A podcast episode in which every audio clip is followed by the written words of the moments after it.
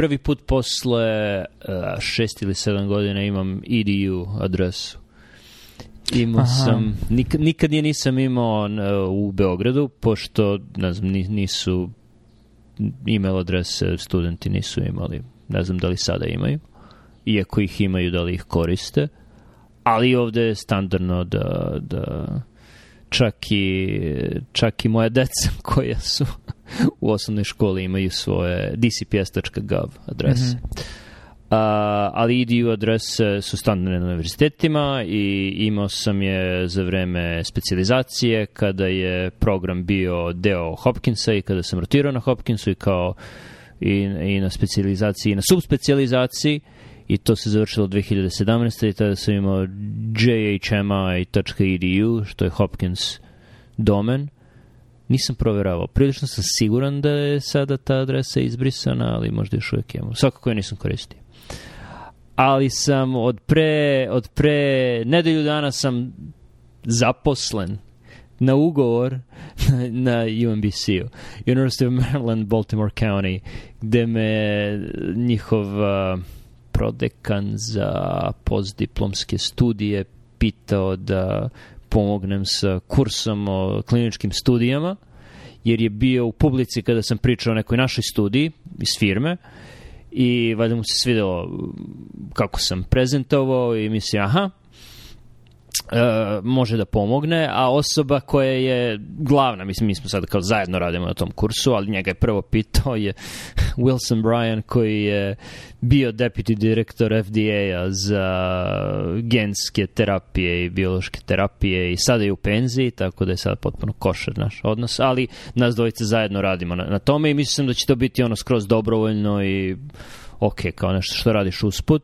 dizajniraš kurs, ali ne, dobio sam, dobio sam ugovor iz UMBC-a za basnoslovnu sumu od ono, trećine moje mesečne plate trenutne godišnje i zato sam morao da ispopisujem gomilu papira i formular za porez i, i u jednom trenutku sam pomislio radit ću besplatno, samo nemojte da me terate još papira da potpisujem, a ja na kraju sam i to završio i kao dobar ono, side do, dobar korist sa strane što imam IDU adresu koja ti daje ono popuste i, i ostale stvari. Korisno je imati. Mhm. Da, viš, nisam znao da, je, da si dobio zvanični ugovor. Mislim, bio sam svestan kursa. Um, Da, da, sada sam instruktor na UMBC-u. cool. Udahnuo si vazduh kao da si hteo nešto da Pa, kažeš. pokušavam u, u kom smeru povesti konverzaciju, ali mislim, pošto sam kurs se tiče dizajna kliničkih studija, um, o čemu smo diskutovali među, mislim, mestimično na samom podcastu, ili da krenem u smeru prednosti imanja IDU adrese. Mislim Ne. da su mi kliničke studije bliže, jer sada sam razmišljao na ovom poslednjih sat i po sam pravio slajdove za unutrašnji kurs u firmi koji se bavi ono dizajnom kliničkih studija, tako da sam tako da sam u tom modu mentalnom. I ono što sam shvatio je da, da su kliničke studije generalno dosta pogrešno shvaćene među svima i među lekarima, i među naučnicima koji se ne bave kliničkim studijama, ali na različite načine. E, neki ljudi koji se bave komentarisanjem nauke online, pre svega na Twitteru, jer imaju i blog i to neću sad da ih imenujem, ali kao i- imaju, imaju, postoji veliki pokret protiv e, randomiziranih studija trenutno. I postoji sa dve strane, od strane lekara i od strane naučnika koji nisu lekari. I ovi naučnici koji nisu lekari se ono čude kao zašto je randomizacija toliko bitna, pa do toliko bitnih naučnih otkrića doli, došli smo bez randomiziranih studija, da li je Watsonu i Cricku bio potreban RCT, Randomized Control Trial, randomizirana kontrolisana studija, da otkriju strukturu DNK, da postoji stvarno taj thread na Twi- Twitteru gde generalno pametni ljudi misle na taj način, da li ono i sad gomna CRISPR-Cas9, nisu ti potrebne randomizirane studije i ono gomna stvari. Na šta je odgovor? Da, ali, ali to nije klinička studija. Velika razlika između uh, ćelijske kulture i životinja i ljudi je što možeš dosta dobro da kontrolišeš uslove u kojima gajiš ćelijsku kulturu i uslove u kojima gajiš svoje miševe, pacove, pse, na čemu god radiš uh, prekliničke ispitivanja, dok ljude ne možeš tako dobro da kontrolišeš. Ljudi su probali, naročito u drugom svetskom ratu i iz toga su uh, proizašle uh, proizašli etički komiteti i Helsinška deklaracija i Belmont izveštaj i gomla drugih stvari zbog kojih je randomizacija jedini način da, da prevaziđeš problem nemogućnosti kontrolisanja uh, uslova kod ljudi na način na koji možeš u ćelijskim kulturama i životinjama. Aha, ok, da. Nije mi samo jasno čak i ljudi koji se bave bazičnom naukom, mislim, djelom kao kategorička greška, zašto je problem u randomizaciji mislim, u prikliničkoj nauci sve studije koje radiš su kontrolisane. Mislim, znači, jer mi delo da su oni advokati toga da ne bi trebalo da imamo čak ni kontrolisane studije, jer uglavnom se svodi na to da bi trebalo da imamo ono single center studije za određenu stvar ili možda ono ili možda imaju problem sa prospektivnim aspektom randomiziranih kontrolisanih studija u smislu da imaš studiju sa napred definisanim pitanjem i onda uzimaš populaciju i randomiziraš i na intervenciju i na kontrolu ali mi nekako deluje da bare meni, a ispravim ako grešim, da taj pokret u određenim aspektima sam ga ja vidio u velikoj meri proističe i dotiče se poznacija navoda podataka vezanih za različite intervencije protiv i oko COVID-a, pogotovo vezane za maskiranje, mislim stavljanje maski, efektivnost maski, gde ono nakon obljivanja randomiziranih podataka i dalje imaš ljude koji udaraju bubonje i kažu ali ta, to je jedna randomizirana studija, imamo toliko retrospektivnih uh,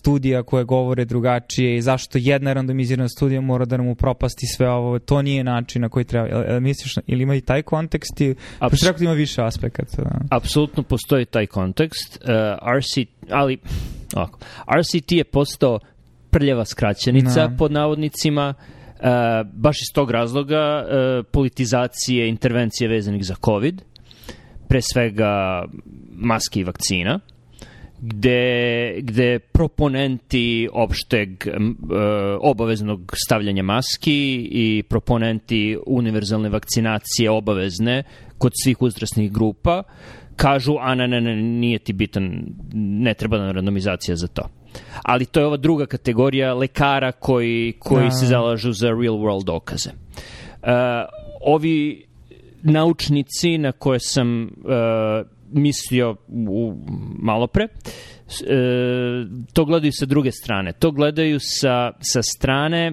i, i tu se donekle slažem. Uh, jedne struje u bazičnim naukama koja uzima stvari naučenih iz kliničkih stu, iz kliničkih studija, e, stroga kontrola, prospektivni dizajn, e, preciziranje tačno stvari koje meriš, kako ih meriš i pokušavaju sada to da implementiraju i na prekliničku, prekliničke studije.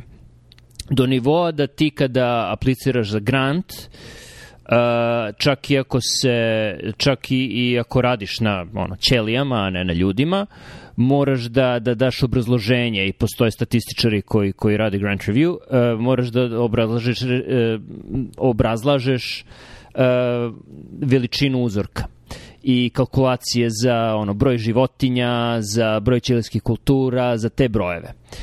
I to je, to je generalno protivno naučnom metodu, jer nauka ne funkcioniše tako i postoji par knjiga.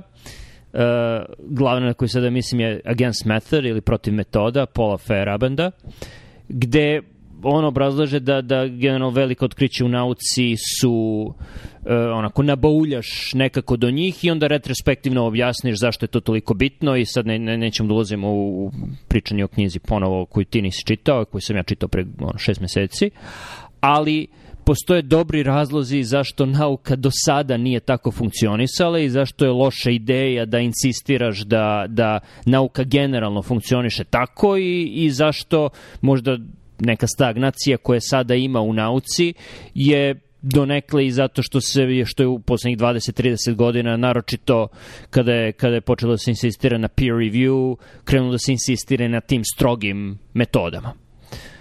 To je tako da ih sa te strane razumem. Ali onda kao što ono, Twitter povezuje sve, pa povezuje različite struje, ljudi vide, aha, znači ovaj molekularni biolog je protiv randomiziranih studija u molekularnoj biologiji, što je okej, okay, ali ja ću sada to da iskoristim kao argument zašto su randomizirane studije generalno loša ideja i zašto treba i u kliničkoj medicini da tražimo nešto što je bolje od randomizirane studije, bilo zato što će nam brže ili za manje para dati odgovor koji želimo.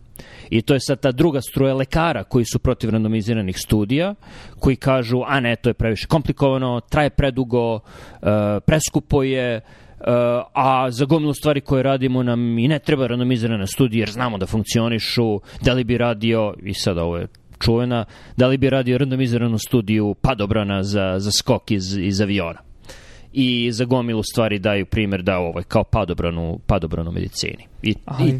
velika, velika većina, to je tako ono, mislim, razumem i znam da deliš istu frustraciju, mislim, I onda te natera se zapitaš koje su motivacije ljudi koji izjavljaju takve stvari, da li su kombinacija neznanja, nerazumevanja prirodnih pojava kao takvih ili imaju sukobe interesa koji im ne dozvoljavaju da, ali mislim, velika većina intervencija, pogotovo u onkologiji, nije padobran. Mislim, i kada nešto jeste padobran, postane vrlo brzo očigledno da je padobran i mislim, tako da tu čak ne, ne dođeš u problem randomizacije, ti imaš ono fazu 1 koja pokaže nenormalnu razliku u odnosu na istorijske kontrole, uđeš u fazu 2 i već nakon ono enrolovanja, mislim možda desetak bolesnika na kontrolu, vidiš ako je padobran, vidiš značajnu razliku da mislim ne moraš onda i da ideš u tom smeru i dobijaš mislim ono accelerated approval i onda ulaziš u post-marketinške studije, ali velika većina stvari nije padobran.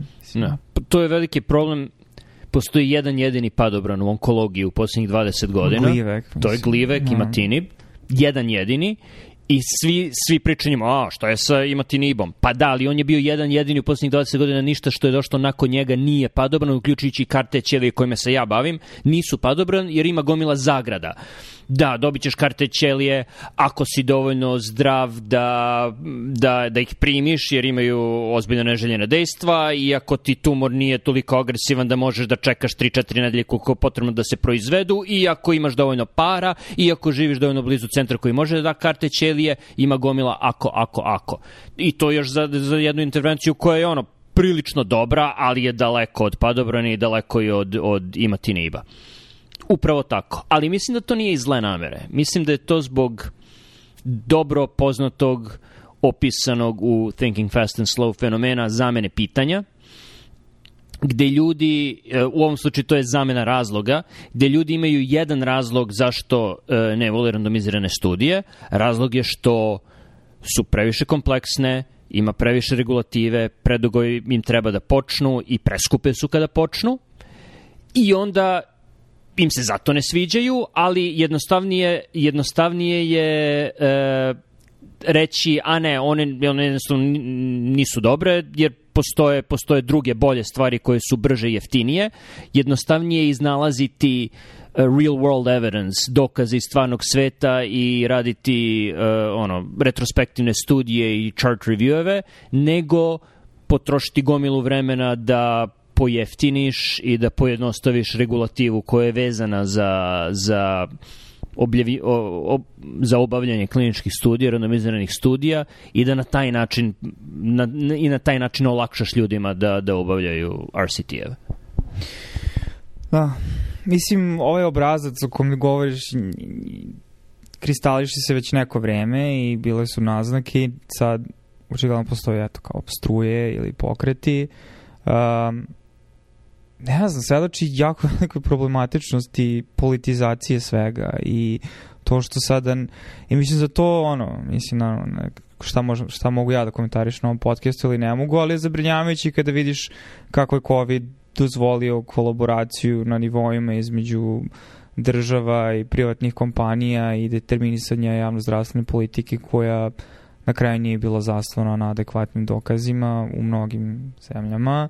I zabrinjavajuće kako Znaš, jer kad napriš te odnose na tim nivoima, ti odnosi ne prestaju, te veze jačaju i onda dolaziš u situaciju gde ono, ne znam kako da se izrazim, a da, da poentiram na ono što hoću da kažem, a da ne budem previše eksplicitan, ali mislim, generalno mislim, da imam osjećaj da na određenom nivou nauk kao da se nazađuje, ili barem ideje toga šta nauka treba da bude, a pogotovo klinička nauka. Postoji ono drugi veliki problem koji nije vezan samo za, ali kad pričamo o randomiziranim studijama, koji nije vezan za onkologiju, a to je, mislim, sve ovo što se sad dešava trenutno vezanim za a, operacije i druge intervencije promene pola i, i, i, i prakse eksperimentalnih procedura koje uopšte sada postoje takav kulturni i politički milje da uopšte komentarisati na čisto strogo kliničkom naučnom nivou je vrlo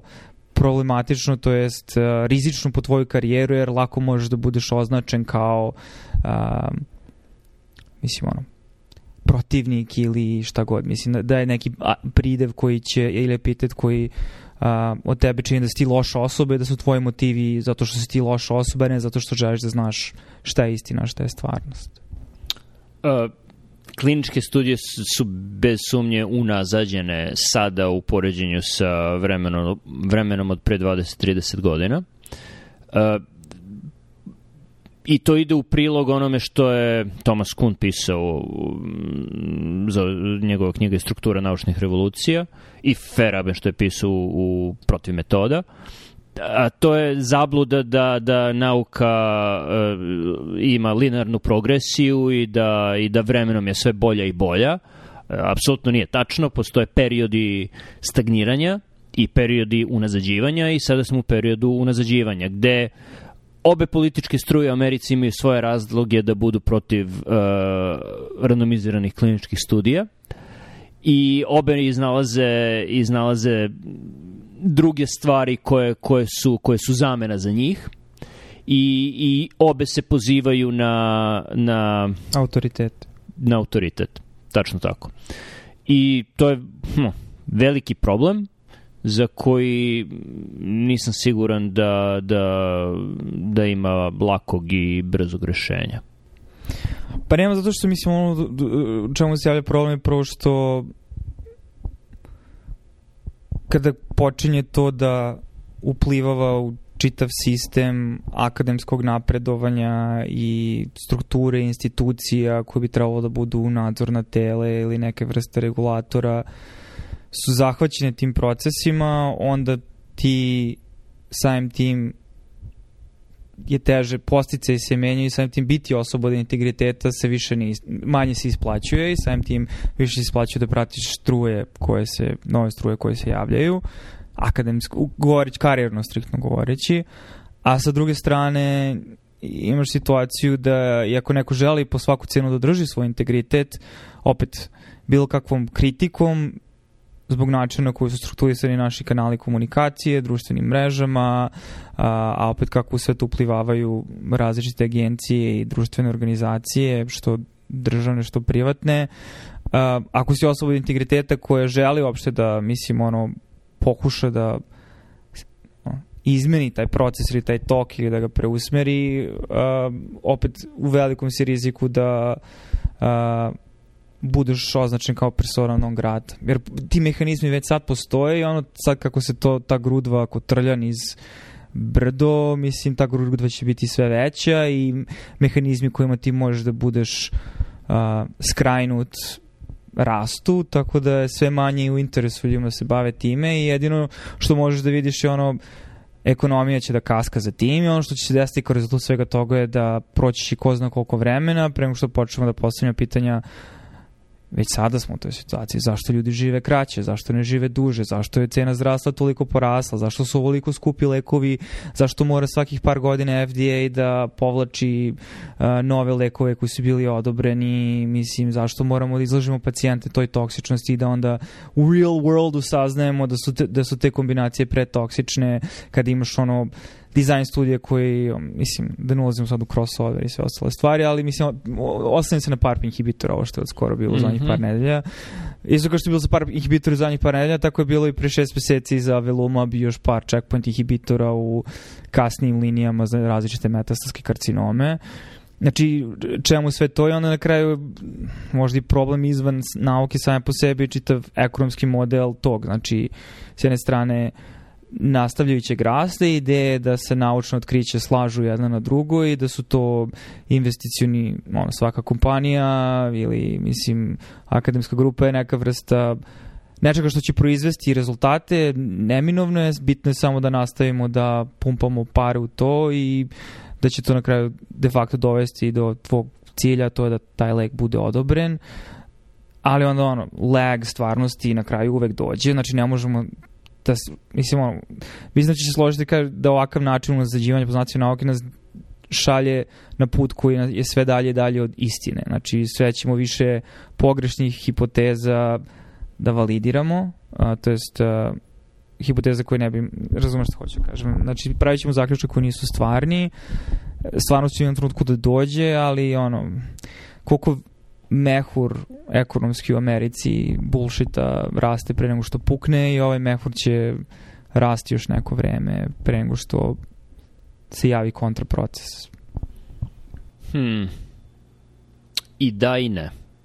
Mislim da je to uh, lak odgovor, ali nisam siguran da je potpuno tačan odgovor na pitanje zašto su troškovi u zdravstvu u Americi toliko visoki i zašto nisu uh, Uh, zašto ne prati, zašto, zašto preživljavanje i, i dužina života, life expectancy, kako god prevedemo, uh, ne pratite ta velika ulaganja.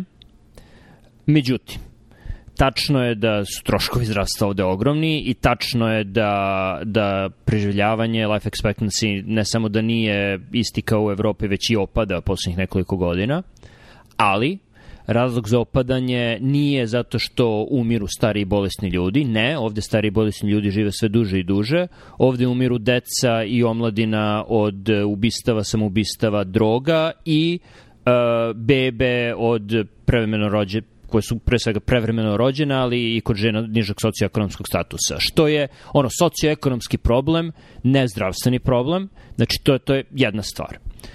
Druga stvar je, uh, ono što ljudi pričaju uh, koji, koji brane troškove u zdravstvu, zašto su lekovi ovde toliko skupi, to je zato što Amerika generalno sponzoriše uh, razvoj zdravstva svuda u svetu i da pare koje se upumpavaju ovde u, u farmaceutske kuće idu u, u troškove istraživanja.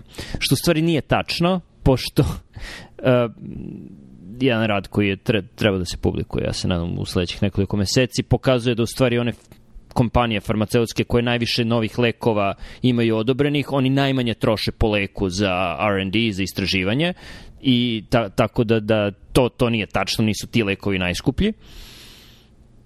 Dok bi pretpostavka bila ako neka farmaceutska kuća ima puno odobrenih lekova, znači oni rade puno R&D-a, znači njihovi lekovi bi stvari trebalo da su najskuplji, ne, ne najjeftiniji, a upravo su najjeftiniji. Znači nije tačno. Uh, Tako da postoji neka mera trošenja, nenamenskog trošenja na zdravstvo, ali sa druge strane primetio sam naročito poslednjih nekoliko godina da puno lekova koji su imali jako slabe razloge za odobravanje ili su ono imali su loše dizajnerne studije koje jedva da su pokazale da su bolji od standardne terapije ili ekvivalentni standardnoj terapiji imaju puno neželjenih dejstava oni nisu nešto rasprostranjeni na tržištu. Znači iako su odobreni firme koje imaju te lekove propadaju ili su otkupljene od strane drugih pre svega mislim na ono selinexoru mijelomu ili inhibitori PI3 kinaza za, za ove hematološke malignitete ili Provenge uh, za, za rak prostate. Tako da nije baš, ako imaš neki lek koji ono jedva da nešto radi i ima puno neželjenih destava, da, bit će odobren, ali nećeš, nećeš imati pod navodnicima blockbuster drogu. Ne, nećeš imati lek koji, koji obrće milijarde dolara godišnje. Pa dobro, ali se poslije pitanje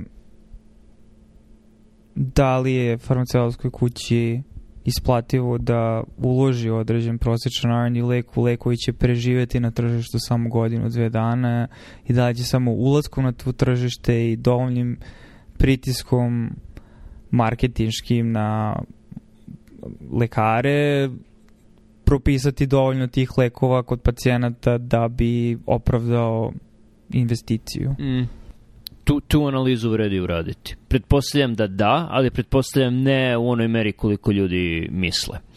I četvrti argument koji bih rekao koji bih na neki način branio troškove zdravstva i troškove koje se daju farmaceutskim kućama je da ova e, efikasnost generalno nije dobra u kompleksnim sistemima. Ne treba da budeš previše efikasan. Treba ti neka mera, neka margina.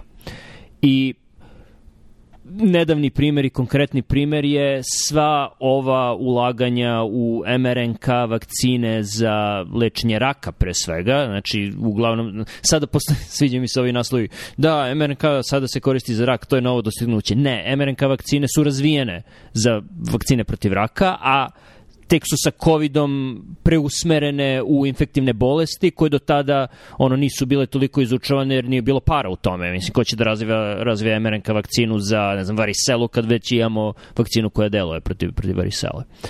Uh, tako da je sva ta istraživačka infrastruktura koja je napravljena možda nenamenski na prvi pogled, jako dobro iskorišćena i verovatno je opravdala sva ulaganja do sada time što je sprečila katastrofalnu smrtnost, mislim i onako velika smrtnost od covid ali bila bi mnogo, mnogo, mnogo gora da mRNK vakcine nisu bile e, otkrivene toliko brzo. I bila bi verovatno još bolja da regulativa nije bila takva da nisu mogla da se ono trebalo je zadrška od godinu dana pre nego što su ušle u, u opštu upotrebu. A, a dobro to je sad to je sad drugo pitanje pojednostavljenje pojednostavljenje regulative i Ako imam nešto protiv randomiziranih studija kakve su sada, to je uh, ono šta sve FDA zahteva od, od tebe da, da skupiš kao dokumentaciju da bi radi RCT i, i uh, koliko različiti stakeholderi, ne volim tu reći, ali koliko različiti učesnici u celom procesu traže para za, za sve što rade.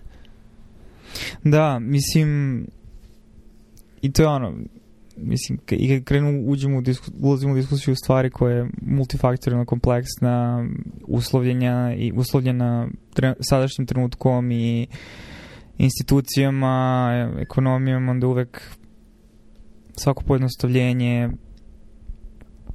krivi sliku i na neki način Ne znam, pokušam se vratiti ono što se rekao, mislim, koje su stvari ko koje možemo sada da uradimo a, i na kom nivou da bi uh, se na nekom nivou, ako smo došli do zaključka da vidimo da klinička nauka se unazađuje, kako taj proces utoliko može da se uspori, spreči, preokrene i, i koje su to intervencije koje bi bile imale najveći cost benefit u smislu relativno su jednostavne i brzo, brzo se mogu lako, relativno lako se mogu izvršiti i rezultati toga se mogu videti dovoljno brzo. Ne znam, imaš neku ideju? Veštačka inteligencija. ne, šalim se. Uh, mada, za gomilu stvari i Tyler Cowan je skoro imao na Icon Talku, imao sa Ross Robertsom razgovor koji nisam do kraja oslušao, ali pričali su o upotrebama LLM-ova uh, koje sada mogu da se koriste i, i generalno možeš da sačuvaš resurse lekara i po pitanju vremena i po pitanju mentalnog kapaciteta. Ako bi uh, AI preuzeo ulogu uh, u, ulogu lekara kada, kada samo treba nekome da kažeš e, ok je, nije ti ništa. Uh, ono, 90% interakcije između lekara i pacijenta, dobro, nije 90%. Ako si, ako, doduše, ako si, ako si u primarnoj zdravstvenoj zaštiti, vjerojatno je pola interakcija koje imaš, u zavisnosti od starosti ljudi koje viđaš, ali pola interakcije koje imaš je ok, nije ti ništa.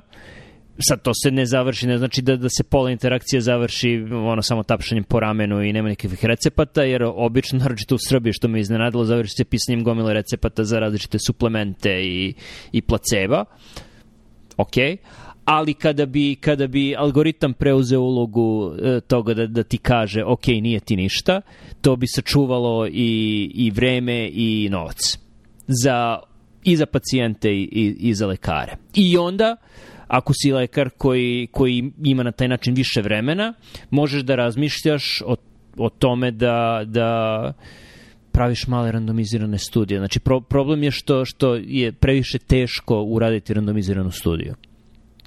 Šta sprečava, pričali smo već o ovome, šta sprečava Ameriku da ima equivalent recovery studije britanske, šta sprečava Srbiju da ima ekvivalent takve studije.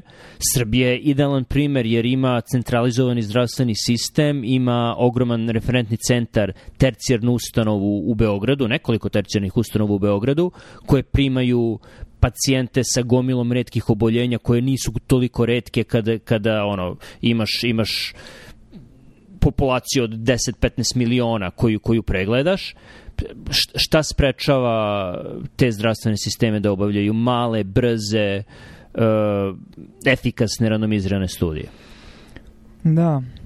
Mislim, odakle se to pitanje veštačke inteligencije, samo komentar, pošto znam da ti je ideja bila veštačka da će dati lekarima više vremena, imajući u vidu zdravstveni model kako izgleda sada i promene koje se dešavaju u prethodnim godinama, znači model koji je vezan za uh, jedinice vrednosti kojima ti naplaćuješ a, osiguravajućim kućama a, za određene zdravstvene usluge. A, nekako vidim da će to samo doći toga da jer opet na kraju pitanje je ono liability, a pitanje je krivične ili pravne odgovornosti. A,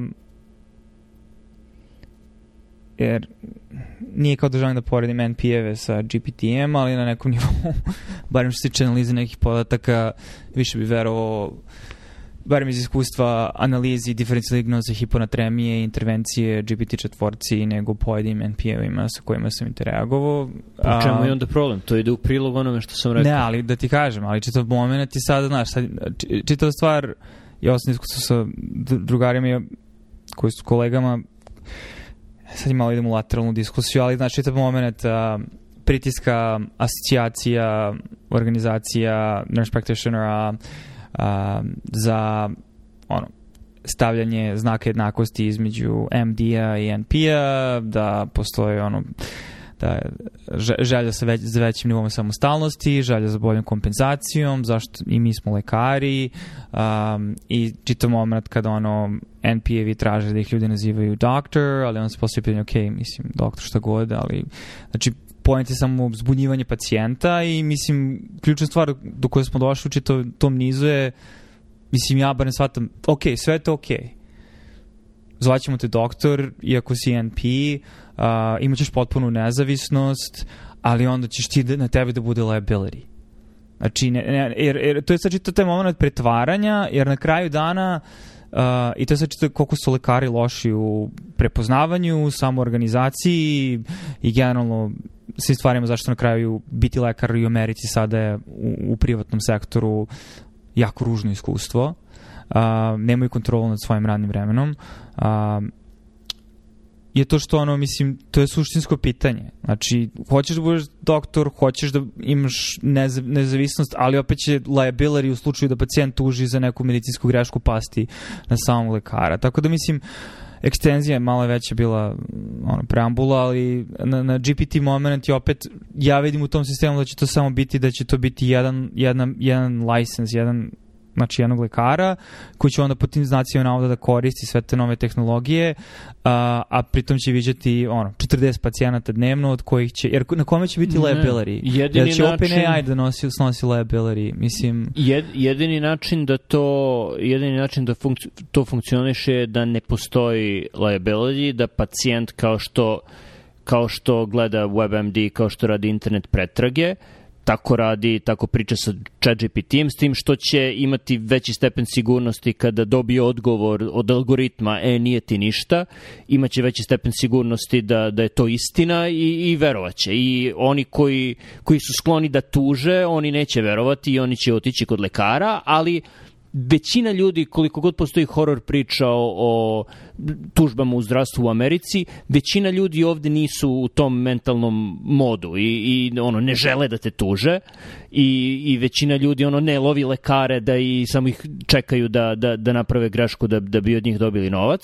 Ne, ve, većina ljudi samo želi odgovor na svoj, na svoje pitanje i rešenje za svoj problem Iako im, neko ka, iako im algoritam kaže ne, sačekaj par dana, nemoj da, da se stresiraš oko toga, to će filtrirati možda ne 80, možda ne 90%, ali i pola ljudi da filtrira, to je opet ogroman, ogromna ušteda u vremenu.